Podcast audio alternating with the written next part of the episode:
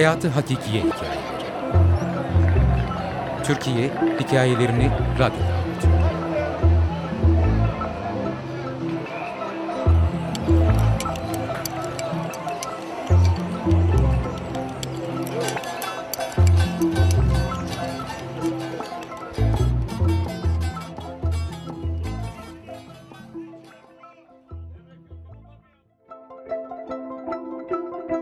Peruze hayallerimi valize koyup Ankara'dan İzmir'e dönüşümün üzerinden iki yıl geçmişti. Sapsarı sonbaharı geride bırakıp soğuk, kuru Şubat'a çıkabilmiştik. Ancak kış tüm haşmetiyle geçmek bilmemişti.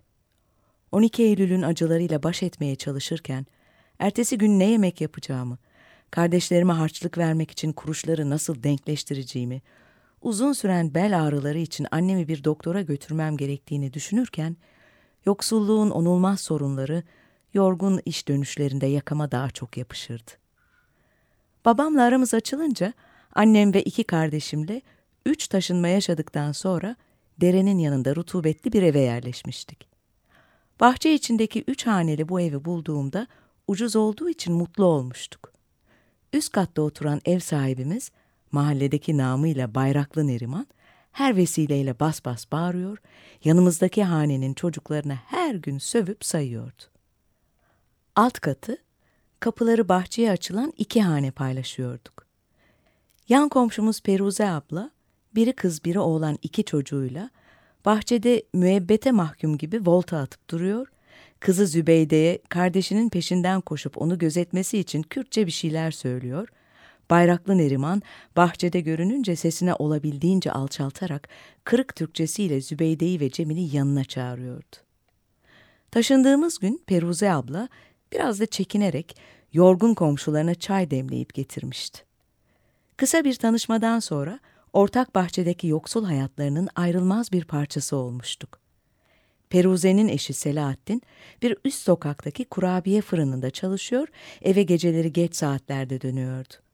Selahattin eve geldikten sonra karı koca sabaha kadar kavga ediyorlar ve genellikle sabaha karşı Peruze'nin ağlamalarıyla kavga sona eriyordu.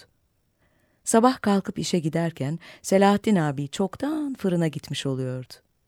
Bir pazar sabahı Peruze ablanın çığlıklarıyla uyanıp komşu kapıya dayanmıştım. Peruze abla yüzü başındaki oyalı al yemenisinden daha al kendini bahçeye attı. Peruze abla ne oluyor? Sabah çay demlemek için kalktım. Başım dönüp duvara tutununca duvar beni fırlattı fırlattı attı. Evi cinler bastı herhal. Her akşam her akşam kumara giderse sonumuz bu olacak tabii. Abla dur ne cini ne kumarı.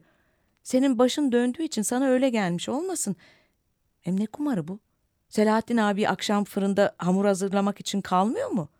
Ne hamur hazırlamaz. Bacakları kırılasıca. Her akşam saat beşte işi bitiyor. Doğru sahildeki kahveye kumar oynamaya gidiyor. Ben de kadın başıma kahveye gidemiyorum. Sabaha kadar al papazı ver kızı ne olacak? Üç kuruş para kazanıyor onu da kumarda ötülüp geliyor. Üçüncüsü yolda. Ben bu çocuklara ne yedirem? Dur otur hele sen bahçede. Gidip çocukları da çıkarayım evden. İçerideki karanlığa gözümü alıştırarak içeri girdim. Zübeyde uyanmış, şaşkın şaşkın bakıyor. Cemil ise her şeyden habersiz uyuyordu. Kızı elinden tutup Cemil'i de kucaklayarak evden çıktım.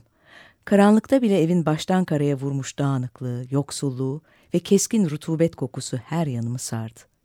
Peruze ve çocukları alıp bizim eve geçtik. Annem hazırladığı kahvaltı masasına çocukları oturttu. Peruze abla, Zübeyde'nin okuldaki başarısızlığından, Türkçeyi sökememesinden, Cemil'in bitmek bilmeyen salya sümük ve öksürüğünden, yeni doğacak çocuğu hiç istemediğinden, Selahattin abinin sorumsuzluğundan dert yanıp durdu.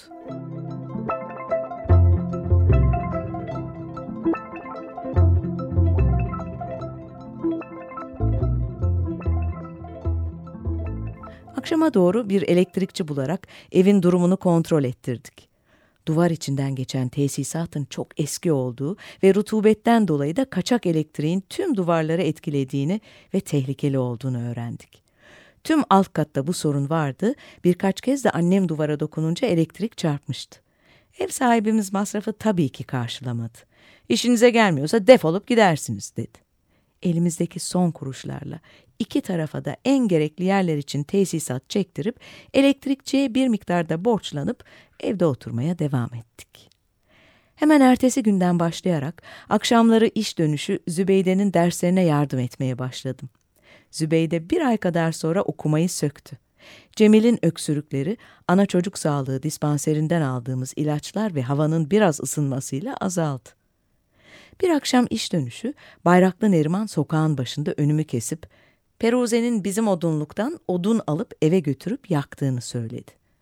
E, ihtiyacı varsa alsın, sana ne? Odun benim, tasası sana mı düştü deyince ne haliniz varsa görün deyip omuz silkip gitti. Eve varınca Peruze ablanın bizim odunluğun önünde baltayla odunları kırdığını gördüm. Kolay gelsin abla yardım edeyim. Sen bu odunları ne yapacağımı neden sormuyorsun? Merak etmiyor musun? Neden sorayım? Lazımdır herhalde. Sen akşama kadar çalışıp yoruluyorsun. Bir de geldikten sonra sana odun mu kırdıracağım? Peruze ablanın odunları eve götürdüğünü hiç düşünmemiştim. Zaten alsaydı da ona hiç kırılmazdım. Çünkü onun bizden daha çok sıcağa ihtiyacı vardı. Gebe haliyle bu ağır işi yapması içimi burkmuştu. Ona sımsıkı sarıldım. Yoksulluğumuzu, kaçaklığımızı, dillendirmeye bile korktuğumuz umutlarımızı o sarılışla birbirimize anlattık. O dönemde bir kadının kahveye girmesi çok olağan dışı bir olay olmasına rağmen Selahattin abi sahildeki kahvehaneye gidip başında bekleyerek kumar masasından kaldırmak olağan işlerimden biriydi artık. Sabahlara kadar süren kavgaları azalmıştı. Cemil'den sonra doğan Murat bebeğin ilk banyosunu annem ve ben yaptırmıştık. Zübeyde artık okuyor ve beraberce matematik problemleri çözüyorduk.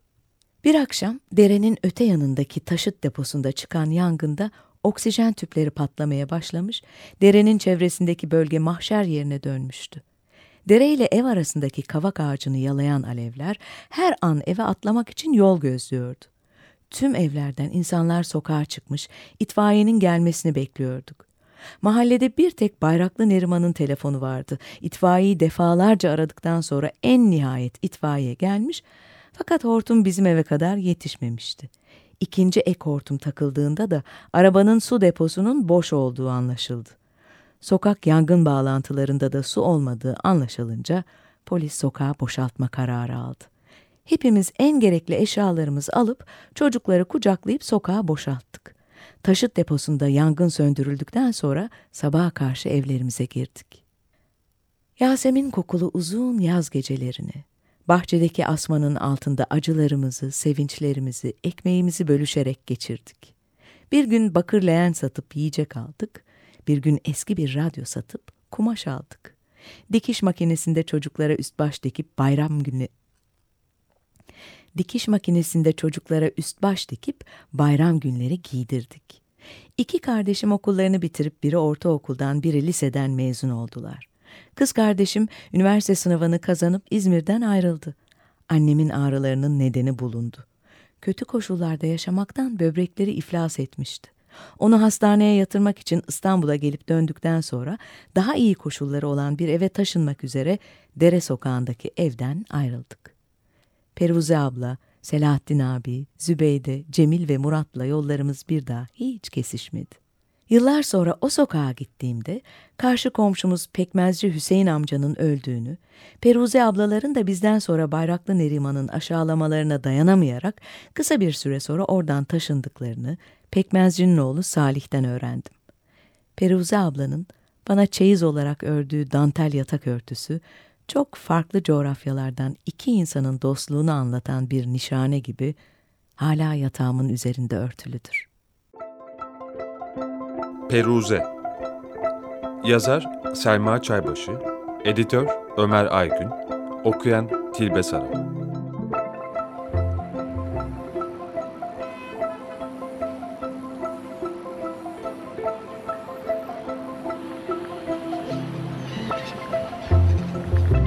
Hayatı Hakikiye Hikayeleri Türkiye hikayelerini radyoda